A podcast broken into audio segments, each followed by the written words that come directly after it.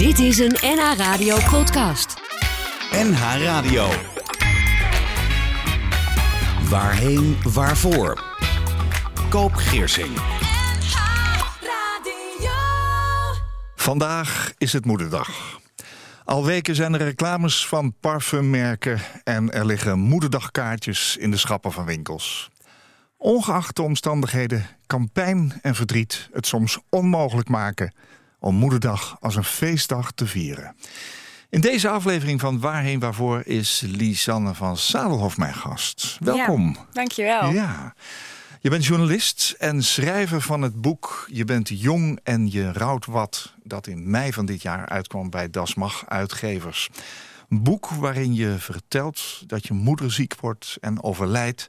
waarna jij ervaart wat het is om intens verdriet te ervaren... en wat rouw met je doet. Ehm, het is vandaag moederdag. Wat betekent dat voor jou, Lisanne, nu jouw moeder er niet meer is? Ja, het is heel gek om een uh, moederloze moederdag uh, te hebben. En ik merk dat ik me al een paar dagen, want het is nu de derde moederloze moederdag. En ik ja. merk een paar dagen van tevoren word ik al een soort van onrustig. En ik voel het een beetje in mijn lijf.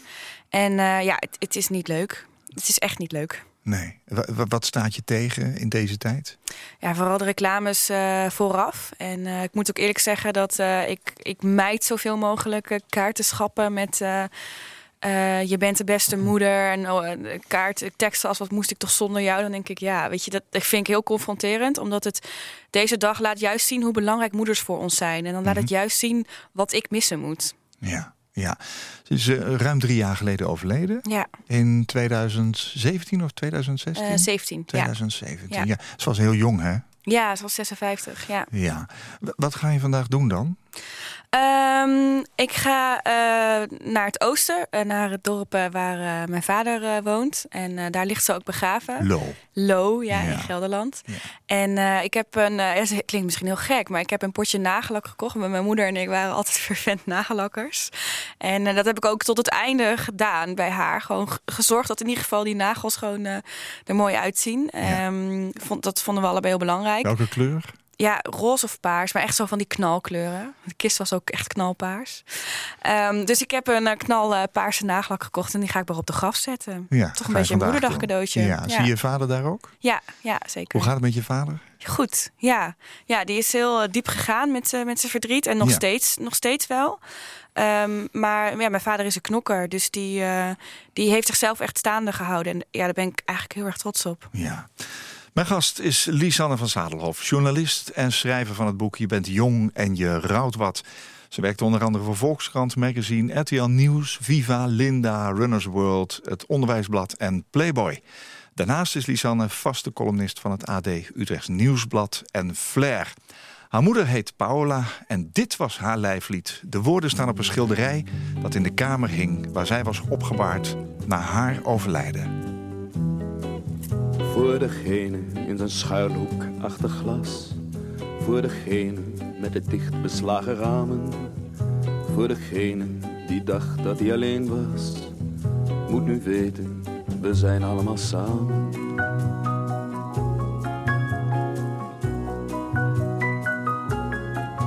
Voor degene met het dichtgeslagen boek.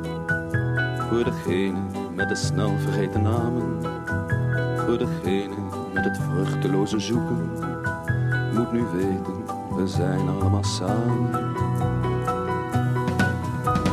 Zing, vecht, huil, bid, lach, werk en bewonder. Zing, vecht, huil, bid, lach, werk en bewonder. Zing,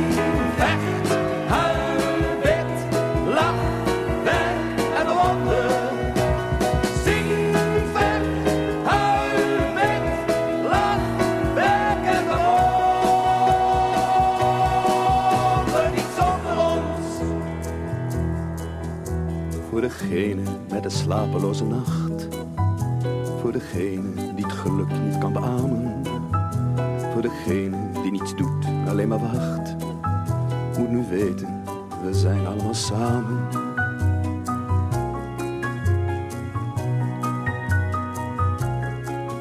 Voor degene met zijn mateloze trots.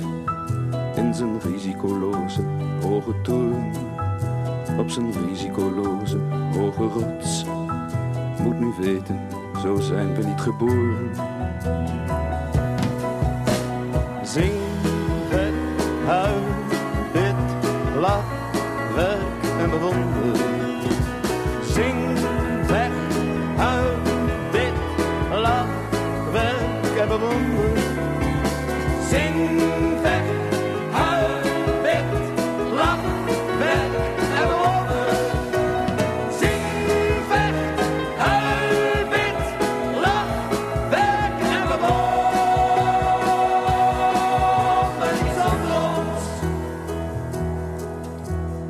degene met het open gezicht. Voor degene met het naakte lichaam. Voor degene in het witte licht. Voor degene die weet, we komen samen. Zing, weg, huil, bid, lach, werk en bewonder.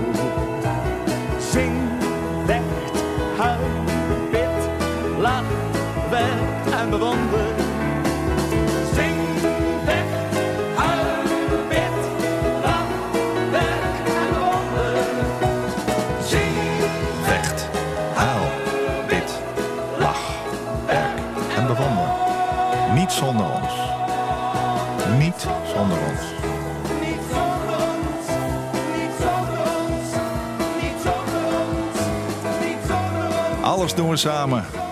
Zing, vecht, huil, bid, lach, werk en bewonder Ramses Shaffi. En als je vandaag naar NH Radio blijft luisteren... dan zal je straks horen dat Cor Bakker er ook aandacht aan besteedt... in De Keuze van Cor. Wat een mooi liedje. En dat stond op dat schilderij in de kamer... waar jouw moeder was opgebaard na Ja. haar overlijden. Ja, klopt. Ja, had ze dat zelf ooit uitgekozen?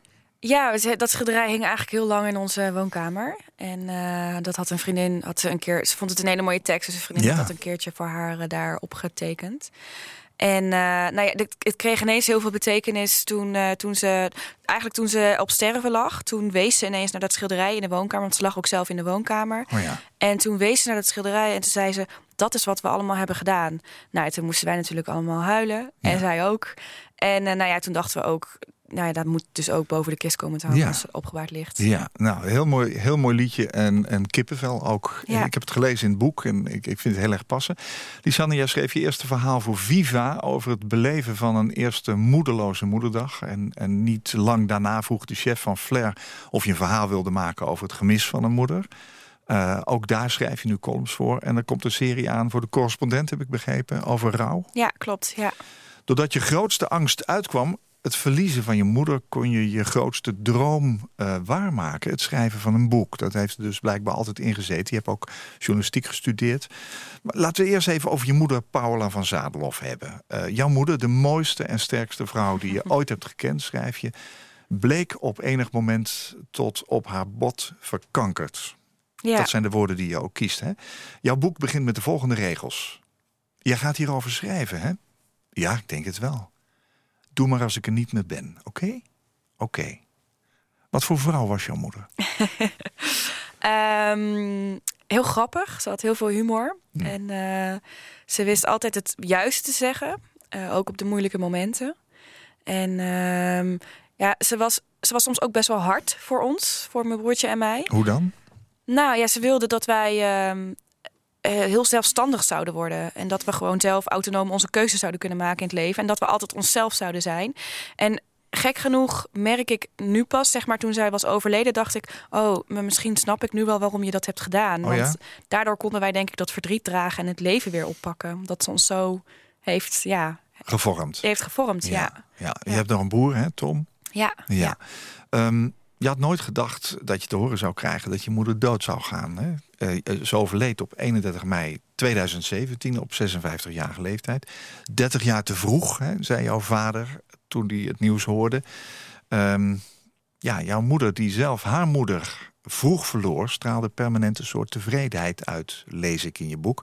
Je hebt het haar nog gezegd dat je haar de beste vond, de liefste, de mooiste, de gekste. En soms was je een kutmoeder. Zo ongelooflijk streng en zelfs hard. Hoe zou je jouw dochter-moederrelatie omschrijven? Eh, heel oprecht en heel eerlijk eh, en hecht. Vriendinnen? Nee, nee, mijn moeder die had daar een hekel aan als, Oh. als, als moeders en dochters vriendinnen waren. Want Oh ja? mijn moeder zei altijd wel van, eh, ik ben je vriendin niet. We zijn gewoon moeder en dochter en je moet zelf vriendinnen maken. En, ehm, Maar dat, dat zei ze ook. ja, dat zei ze ook. Oh ja.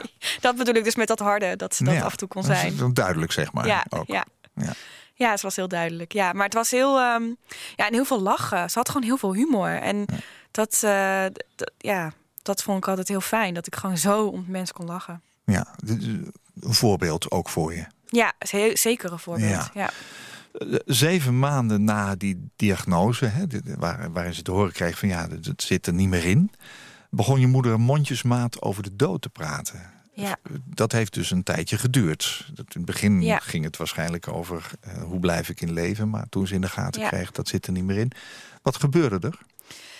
Nou, wat er gebeurde was denk ik dat mijn moeder... Ik denk dat het altijd al wel heeft geweten dat ze ziek... eh, dat, ze, dat ze dood zou gaan. En ook dat het geen jaren meer zou duren. Maar ze heeft heel lang in de ontkenningsfase gezeten. Ja. En ik vond niet dat wij die ontkenning mochten afpakken van haar. Want dat was haar kracht. Dat was haar manier om in leven te blijven. Ehm, maar op een gegeven moment ging zij merken dat ze zo ontzettend ziek was. En toen heeft zij ook op een gegeven moment gezegd... ik kan niet meer en ik wil dit niet meer.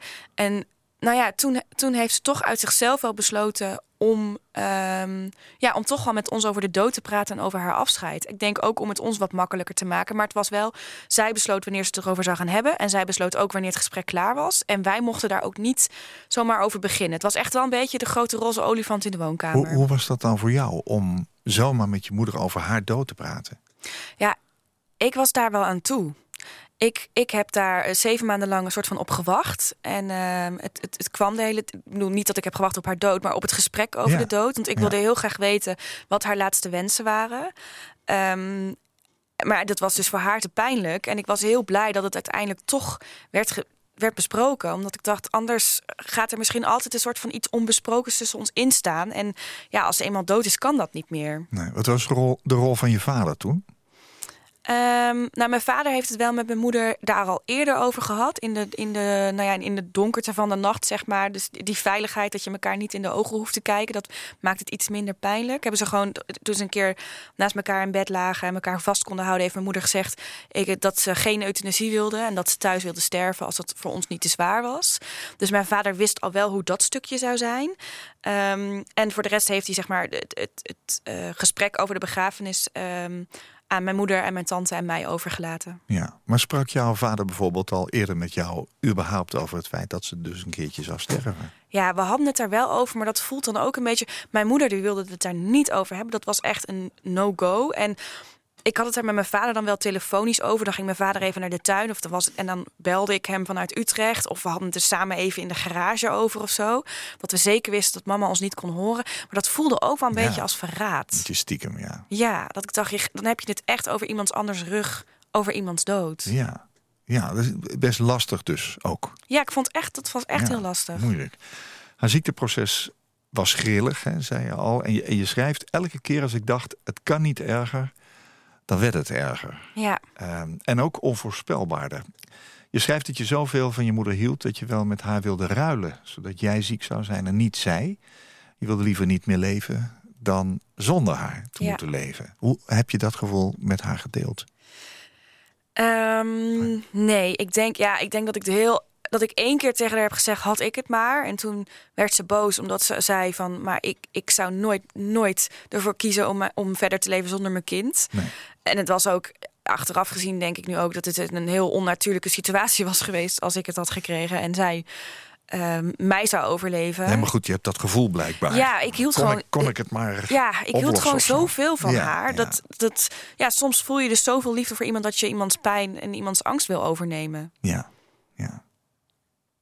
Dat gaat wel ver dan. Dat gaat heel ver, ja. En Ja. die, dat, dat heb ik ook niet continu gehad. En, en nu ben ik heel blij dat ik er nog ben. Dat klinkt ook misschien heel egocentrisch. Nee, maar ik ben heel blij dat ik in haar naam mag, eh, mag verder leven. Maar ehm, ja, de liefde gaat ook ver. En rouw gaat ver. En verdriet gaat ver. Nou, die onderwerpen staan in jouw boek. Daar schrijf je uitgebreid over. Uh, je stelt jezelf ook heel kwetsbaar op. Hè? De dingen die, die, uh, waarvan je achteraf zegt van... nou, wauw, is mij dat allemaal overkomen? Lijkt mij. Ja. Maar uh, dat maakt het boek ook fijn leesbaar en heel herkenbaar... denk ik, voor mensen die in een soortgelijke situatie zitten. Ik heb jou gevraagd om drie liedjes uit te zoeken... die misschien ooit wel een keer op je eigen uitvaart... een heel stap verder, hoop ik voor Over je. 70 jaar. Ja, oh, 70. Dan ben ik 100. Dan ben je 100, ja. Oké. Vind ik een mooie leeftijd. Ja, dat is zeker zo. Uh, drie liedjes op een rij. Eén liedje komt weer terug in jouw boek. Maar daar gaan we zo meteen naar luisteren. We gaan eerst naar Mumford Sons. Uh, waarom heb je die op je lijstje staan? Ja, eigenlijk simpelweg omdat ik het een prachtig nummer vind. Omdat er twee uh, verschillende muziekstijlen, je gaat zo wel horen, door elkaar uh, worden gegooid. En um, het liedje heet There Will Be Time. En ik heb dat, nou ja, als we dat gewoon vrij letterlijk vertalen, dan uh, er zal tijd zijn. En ik heb dat um, op die manier wel een beetje uh, troostend ervaren van er zal tijd zijn om nog van mijn moeder te genieten. Dat heb ik dan mezelf dan de hele tijd uh, ingeprent toen ze dus zo ziek was. En nou, er is niet heel veel tijd geweest, maar nou ja, ik heb, het was wel een beetje mijn troosttekst.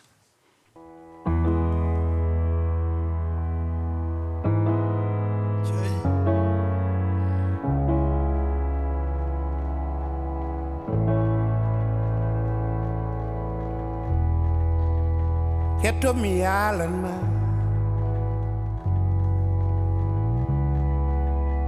min waɗi mi yiddema ko an tan hollimi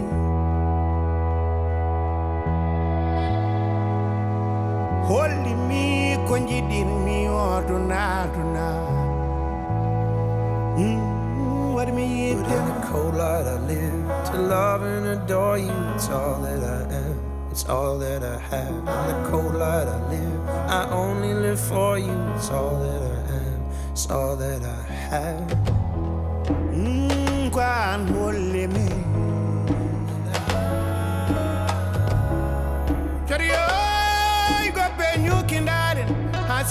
Mojad. What me eat them? What me eat them? Min waɗi mi yiddema ko artanodi mi ko nane nane nane nane nane mi wano o joni joni joni joni joni wati ko joni joni joni joni joni watini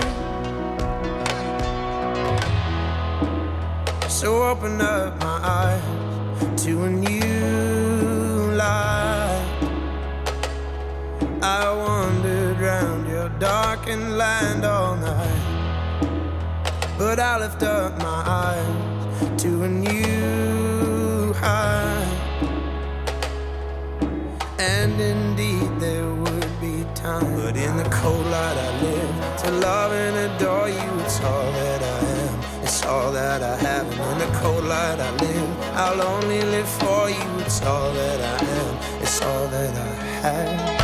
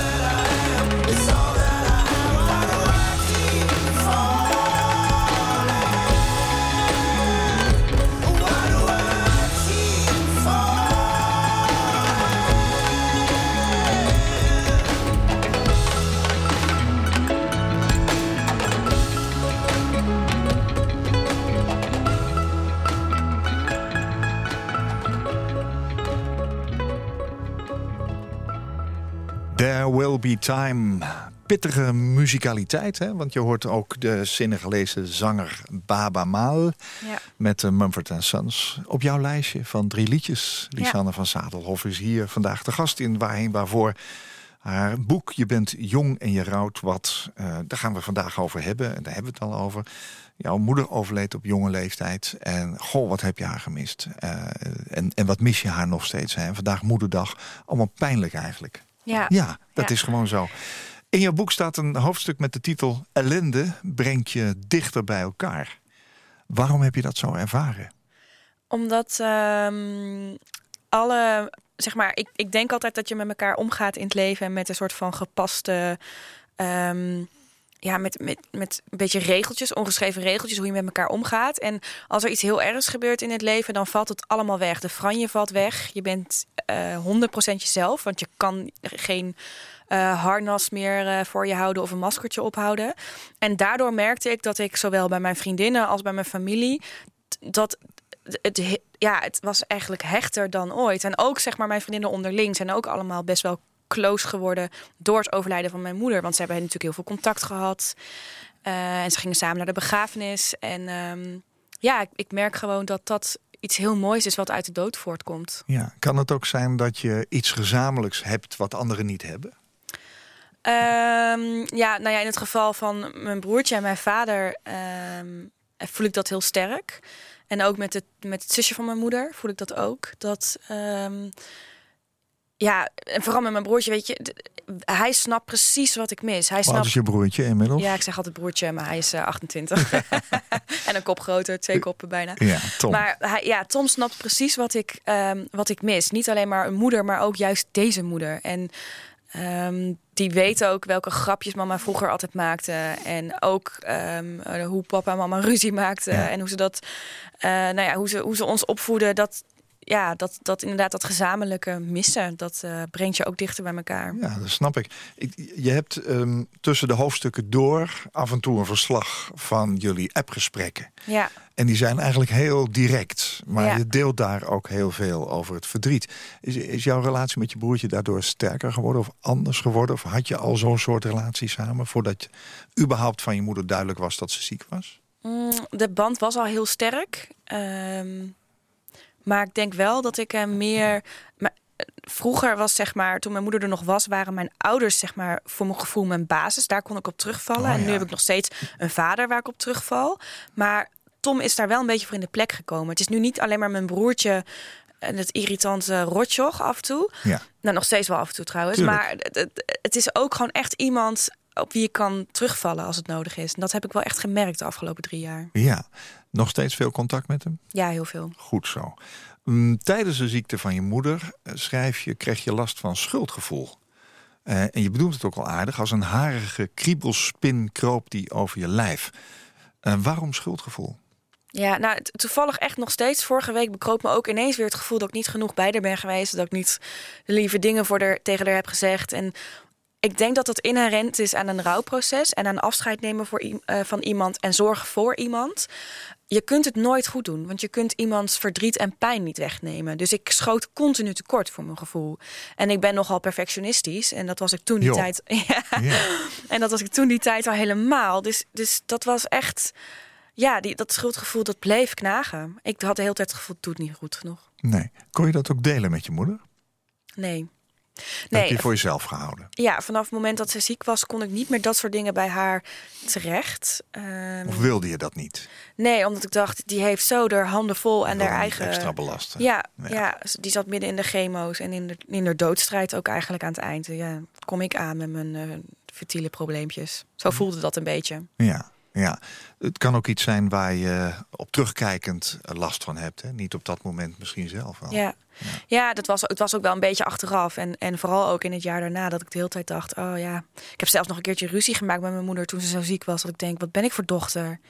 Dat, doe je toch niet, ruzie Nee, maken maar met iemand dat die deed je toch voor die tijd ook? Ja, dat is ook zo. Dat, ja. Veranderde de rol van je moeder dan in je leven toen ze ziek werd? Werd het een ander iemand voor je? ja, wel een beetje. Ja, ik, het was nu wel dat ik voor mijn moeder zorgde. En niet, dat hield ze wel af en toe een beetje af. Ja. Ehm, en ze wilde mij ook nog steeds wel van advies voorzien. Maar ze had gewoon wel vaak de handen eh, vol aan zichzelf. Dus ik ging niet zo heel snel meer met mijn problemen naar haar toe.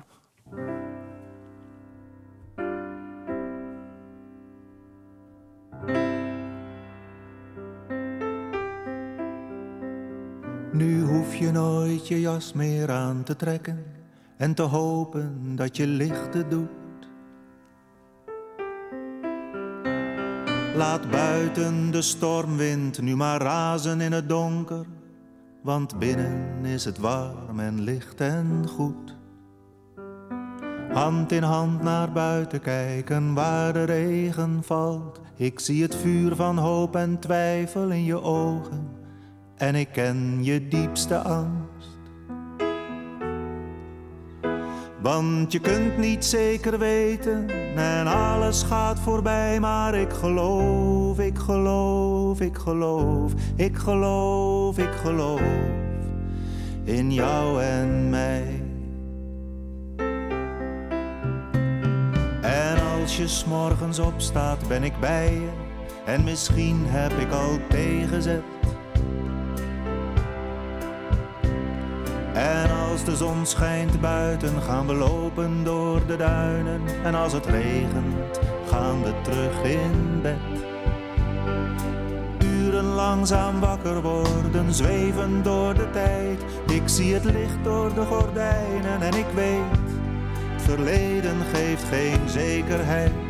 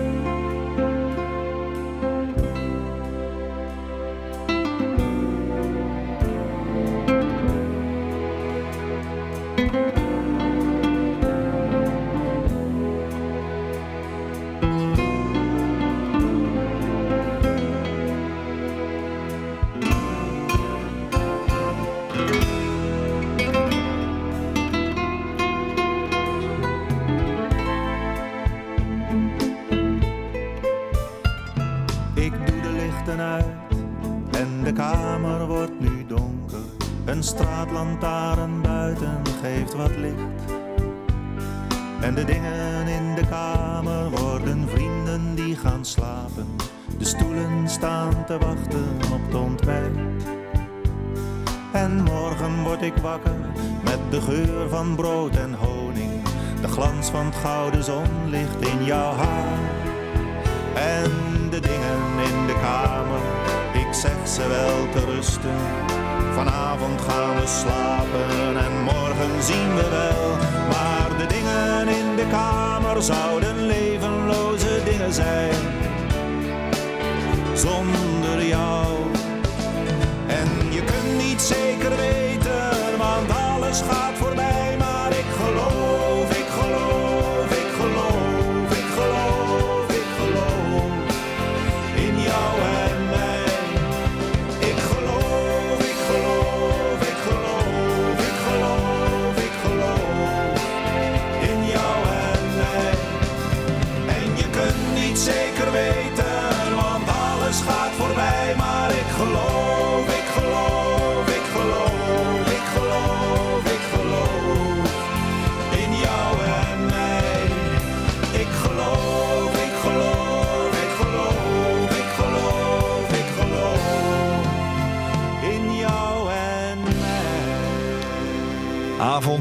Boudewijn de Groot. En je kunt niets zeker weten, want alles gaat voorbij. Maar ik geloof in jou en mij. Dat laatste was een uitspraak van je vader, toch? Ja, ja. Waarom was dat? Ja, niet, niet eens zozeer verwijzend naar het liedje, denk ik. Dat Nee. gewoon, was gewoon echt een tekst rechtstreeks uit Ja. zijn hart. Maar daarom associeer ik het wel met dit nummer. Eh, mijn moeder die was heel vaak bang dat de ziekte haar zou gaan inhalen. Dat, de ja, dat de kanker heel snel ehm, eh, haar leven zou opnemen. En dan zei ze altijd van Toon, eh, geloof je er nog in? En dan zei mijn, vader zei altijd, ja schatje, ik geloof in jou en mij. En ik geloof in ons. En dat gaf mijn moeder dus het gevoel dat ze er dus ook niet alleen voor stond. En ik vond dat echt het toppunt van liefde. Ja, dat lijkt mij ook. Het wordt 31 mei 2017. Je hebt je vrienden een kwartier na het overlijden van je moeder. De liefste, leukste, mooiste, gekste, stoerste mama is vanochtend om kwart over acht overleden. Met haar favoriete zoon, dochter, zus, man en hond heel dicht bij haar. Mooie tekst ook voor een kaart. En dan komt die begrafenis. Daarna zijn het herinneringen, verdriet, rouw. W- Wat vind jij, Lisanne, is het verschil tussen verdriet en rouw? Nou, mooie vraag. Hmm.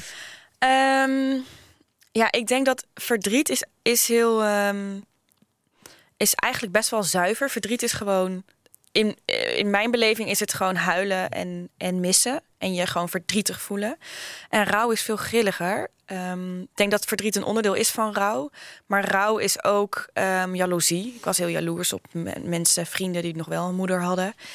Oh ja? en, ja? ja, dat was echt. eh, ja. Kwam dat zo op? Eh, Had je dat gevoel nooit eerder gehad?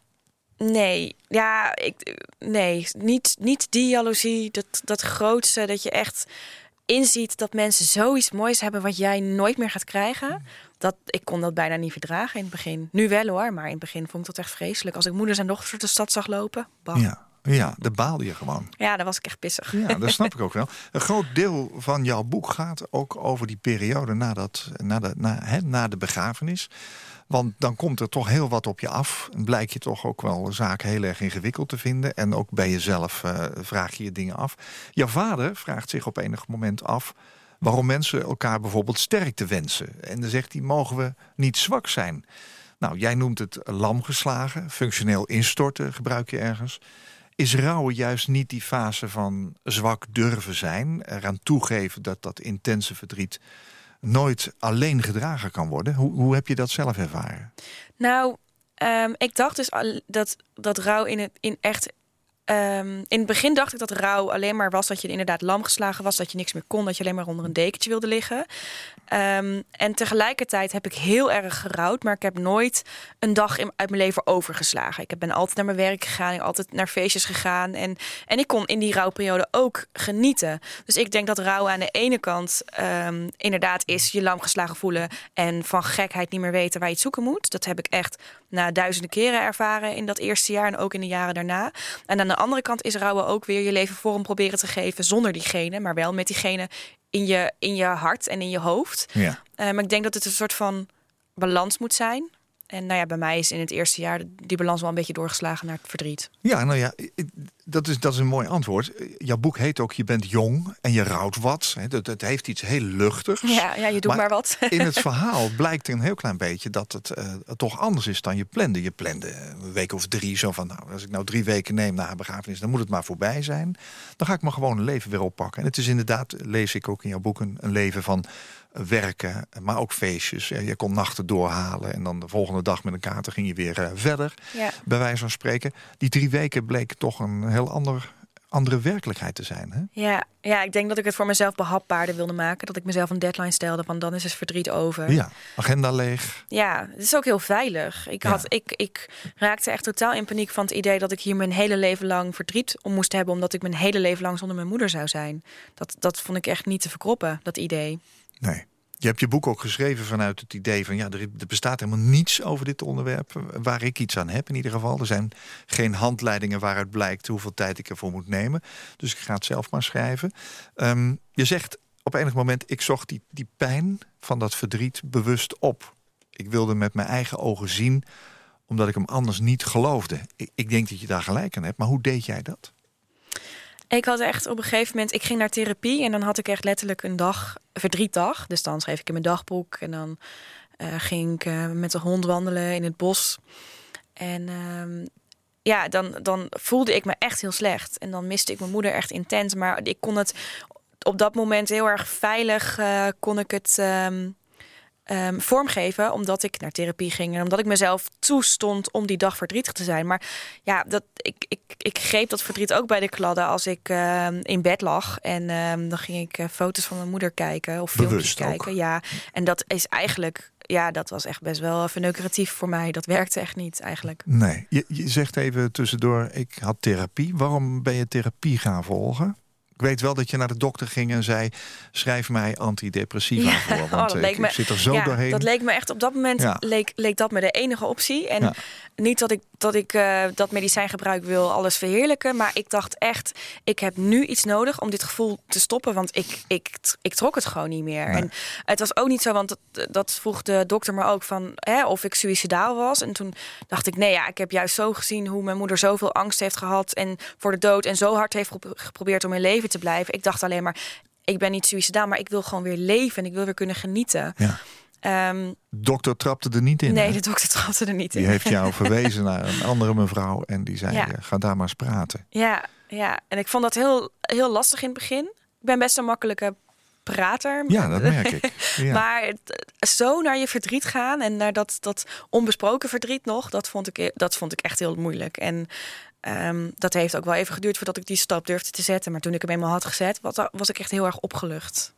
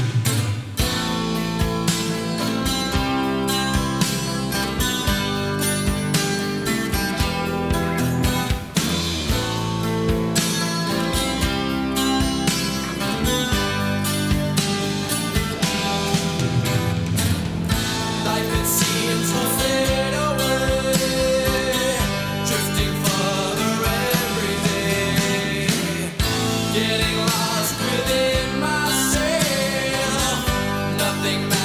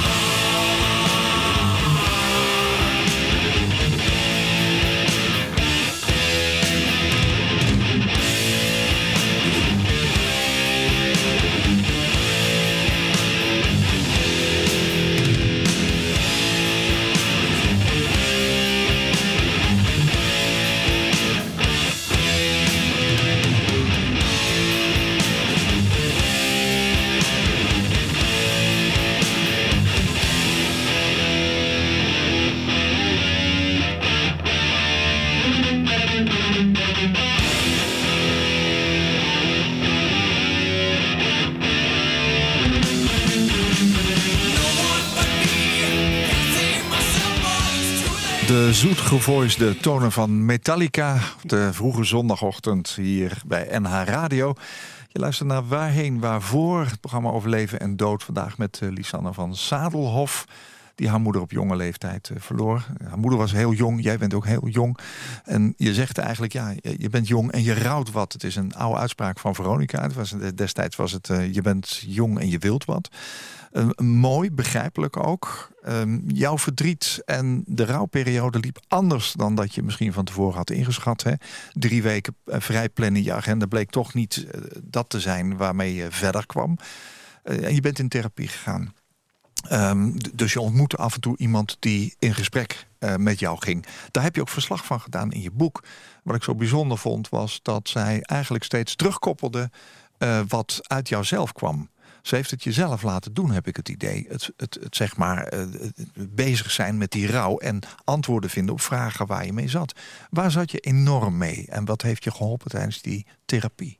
Ik was heel erg bang dat ik het niet goed deed, dat ik niet goed rouwde.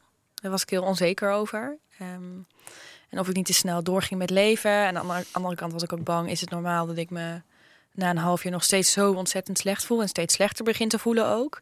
Um, ja, liep dat, liep dat terug? Ja, ja, ik denk dat ik de, in ieder geval de eerste drie maanden gingen best goed, want toen was ik ook best wel, ja, toen voelde ik ook een beetje opluchting en en en toen was het besef er ook nog niet echt. Dan denk je, iemand komt nog wel terug van vakantie. Weet je, zo voelde het een Oh ja, beetje. En dan ja. ineens komt dat besef langzaam dat iemand nooit meer terugkomt. Ja.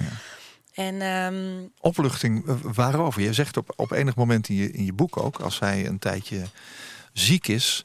ehm, ja, het duurt zo lang. Ga nou dood, schrijf je letterlijk. Dat, dat vond ik nogal uitspraak, zeg. Ja, ik heb, ik heb het ook echt met schaamrood op de kaken opgeschreven. Maar dat voelde zo. Ja, dat voelde echt zo. Het Want duurde maar en het duurde maar. Oh ja, mijn moeder die was zo ontzettend ziek en ze was zo aan het vasthouden. En omdat ze zo ontzettend graag bij ons wilde blijven. En dat vond ik zo liefdevol, maar tegelijkertijd ook zo hard om te zien. Omdat ik aan alles zag dat haar lichaam het aan het opgeven was. En Ja. dat ik, wij konden haar, weet je, wij hielden zoveel van haar dat we dat lijden niet meer konden aanzien.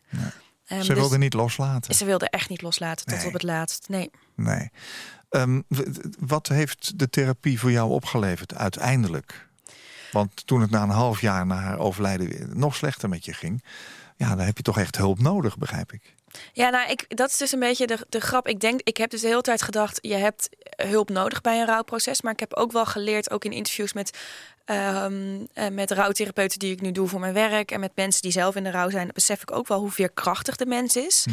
Ehm, maar goed, wat, rouw, wat ik bij rouwtherapie heb geleerd is inderdaad dat ik het zelf kan. En dat die wijsheid, eh, nou niet dat ik mezelf heel wijs wil noemen, maar die, die wijsheid heb je wel zelf in pacht. Je en kunt het. ja, je kunt het. En ook ehm, dat je ruimte moet nemen en durven nemen voor dat verdriet. En, en dat het altijd mag. Dat heb ik ervan geleerd. Ja. En dat gezegd hebbende, wat doe je dan? Huilen. en, eh, Kun je dat zo oproepen? Nee, nee, nee. Ehm, nee, dit is, niet, het is niet alleen maar huilen. Ik denk, wat je dan doet, is ehm, eh, ja, doen waar jij je goed bij voelt. De, e- ik denk dat het, dat het, dat het is heel erg cliché, maar het rouwproces is echt ontzettend individueel. En voor de een zal het veel grilliger zijn dan voor de Ja. ander. En dat is ook afhankelijk van de band die je had met degene die is overleden. En ook de manier waarop iemand is gegaan, denk ik. Ehm, maar ik denk gewoon dat ruimte nemen voor dat verdriet. ehm, en jezelf alles toe laten staan, dat dat, dat dat heel belangrijk is. Ja. Je hoort heel vaak dat mensen het weg proberen te duwen, maar het komt keihard weer terug, hè? Ja, Ja. Therapie leert je onder andere, lees ik in je boek, je moeder op een andere manier vast te houden. ja klopt, ja. Wat bedoelde je daarmee? Ehm, nou, ik was op een gegeven moment. Zei, zei ik dat ik heel erg bang was om mijn moeder te vergeten, om haar stem te vergeten en hoe ze, hoe ze danste, hoe ze liep, hoe, ze, eh, hoe de parfum rook. Weet je, dat, dat soort dingen, daar was ik allemaal heel bang voor om dat te vergeten. En ehm, op een gegeven moment vertelde ik, een beetje zo tussen neus en lippen door, dat ik ineens Rivella ging drinken, omdat mijn moeder dat altijd dronk. En dat ik ontbeet met peperkoek, want mijn moeder deed dat altijd. En dat ik mijn broertje ook kutkind noemde, want mijn moeder noemde mijn broertje altijd heel en mij altijd heel liefkozend kutkind. En dat ging ik dus ineens overnemen. Eh, al die dingen. En toen zei mijn therapeut, die zei zo heel mooi van... besef je wat je aan het doen bent? En toen dacht ik, ja, nee, want ik doe maar wat. En toen zei ze, je bent je moeder eh, aan het loslaten en tegelijkertijd op een andere manier aan het vasthouden. Nou, en toen ze dat vertelde, moest ik echt heel hard huilen. En toen dacht ik, dit is dus precies wat rouw, wat een rouwproces, wat je doet tijdens zo'n rouwproces. Ja. Er is ooit een tijd geweest dat eh, je in bed lag en dus eh, foto's van haar ging bekijken en daar last van had. Dat je met de hond ging wandelen en dat je dacht van, oeh, ja, je zocht dat verdriet op. Als je nu naar foto's van je moeder kijkt, je bent nu drie jaar verder, hoe, hoe is het dan? Ja, dat vind ik nog steeds moeilijk. Ja? Ja, ik, ik had echt gehoopt en verwacht ehm, dat, dat, dat ik heel liefdevol dan, ah, wat hebben we toch fijn gehad met z'n allen samen. We hebben toch gelachen. Maar dat ervaar ik niet zo. Ik denk alleen maar wat ik mis. En, en dan word ik echt pissig op het leven. Dat is nog steeds zo. Ja, het- Ja. dat gaat. Ik Ja. hoop dat het een keertje wat minder wordt. Ehm, ik, het wordt al wel veel minder. Het, het is al wel iets zachter, dat gevoel. Maar ja, ik ben dan gewoon echt nog steeds heel boos wat me is afgepakt. Ja, ja. In het boek vertel je over je leven met je moeder Paula, je vader Toon en je broer Tom en daarna het leven na haar dood. En je wisselt het verhaal af met die korte appgesprekjes met je broer, hebben we het al even over gehad. En die, en die verslagjes van, dat, van, dat, eh, ja, van die gesprekken met, met, met die rouwtherapeut. Hoe heeft het schrijven van dit boek jou geholpen met je eigen verdriet en rouw? Ehm, ja, mensen zeggen altijd dat je dingen van je af kan schrijven. Dat heb ik voor een deel gedaan. Ehm, maar ik heb het ook heel erg naar mezelf toegeschreven. Dat ik juist ging ik op het strand zitten en dan ging ik tikken en wandelen en tikken en wandelen. In zo'n in zo'n strandtentje dus eh, zitten schrijven. Toen dat nog kon. Toen dat nog kon, Ja. ja, die goede oude tijd. Mhm. Ehm, en dan was ik juist weer heel erg verdrietig, omdat ik juist toen besefte van jeetje, wat hebben wij allemaal meegemaakt? En vooral wat heeft mama toch een pijn gehad? En ook niet alleen maar letterlijk fysieke pijn, maar ook hartzeer. Ehm, maar het heeft me ook geholpen om mijn moeder weer tot leven te brengen. En ik vind het heel mooi als ik nu van lezers reacties terugkrijg. En mijn redacteur van de uitgeverij, die zei dat ook. Die zei, ik ben echt een beetje postuum van je moeder gaan houden. Ja, dat, Ja. dat is echt, dat- ik vind dat prachtig dat ik dat heb kunnen, kunnen doen. Nou, ik kan het onderschrijven. Ik, ik heb ook het gevoel dat ik jou een beetje heb leren kennen daardoor. dat heb je mooi gedaan. In je boek schrijf je ook, als iemand doodgaat, is iedereen ineens rouwdeskundige. Hoe zie je jezelf nu dit boek geschreven hebt en eigenlijk eh, schrijft en, en, en verhalen vertelt over jee. eh, dood, verdriet en rouw? Ja, ik, ik vind het heel link om mezelf rouwdeskundige te noemen. Ik, ik merk bent wel, het dat- wel, inmiddels. ja, ervaringsdeskundige, maar ik ben ook maar één iemand natuurlijk. Dus ik- ja, en ik denk dat ik dan zie hoe, hoe anders mijn broertje het heeft aangepakt en hoe anders mijn toenmalige vriend daarmee omging, denk ik ja. Ik weet ook niet of ik nou echt zo heel erg deskundig ben. En ik ben ook in alle valkuilen getrapt. Maar ik merk wel dat door mensen te spreken. En, en ook, ik heb ook heel veel ehm, psychologen en hoogleraren over rouw gesproken. Nu voor, voor mijn werk, inderdaad. En ik, ik, ik begrijp het iets meer. En ik begrijp ook Het helpt iets meer. jezelf allemaal. Ja, het helpt mij. En ik denk ook dat doordat ik erover schrijf, dat ik daar toch een heel klein beetje anderen mee help, als ik dat zo mag, mag zeggen. Nou, Ehm, dus ja, ja, is deskundige vind ik het een groot woord, maar ik weet er wel iets van. snap ik, ja. Hey, en, en over welke dingen waar je voorheen nooit over nadacht, eh, ben je nu gaan nadenken?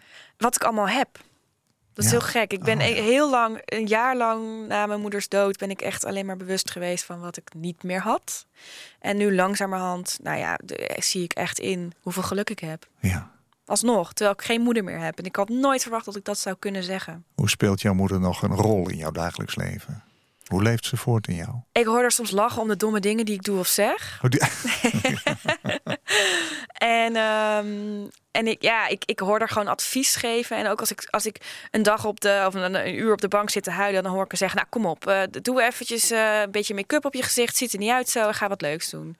En dat, eh, ja, ze dat, praat nog tegen jou. ja, en dat, dat vind ik heel waardevol. Dat dat Dank. zo is. Mooi, mooi. Lisanne van Zadelhof, zij was mijn gast in Waarheen Waarvoor. En je schreef het boek, je bent jong en je rouwt wat over het leven en sterven van jouw moeder en je eigen verdriet en rouwperiode. Het is met flair en humor geschreven, als ik zo vrij mag zijn. Het leest als een roman, vind ik.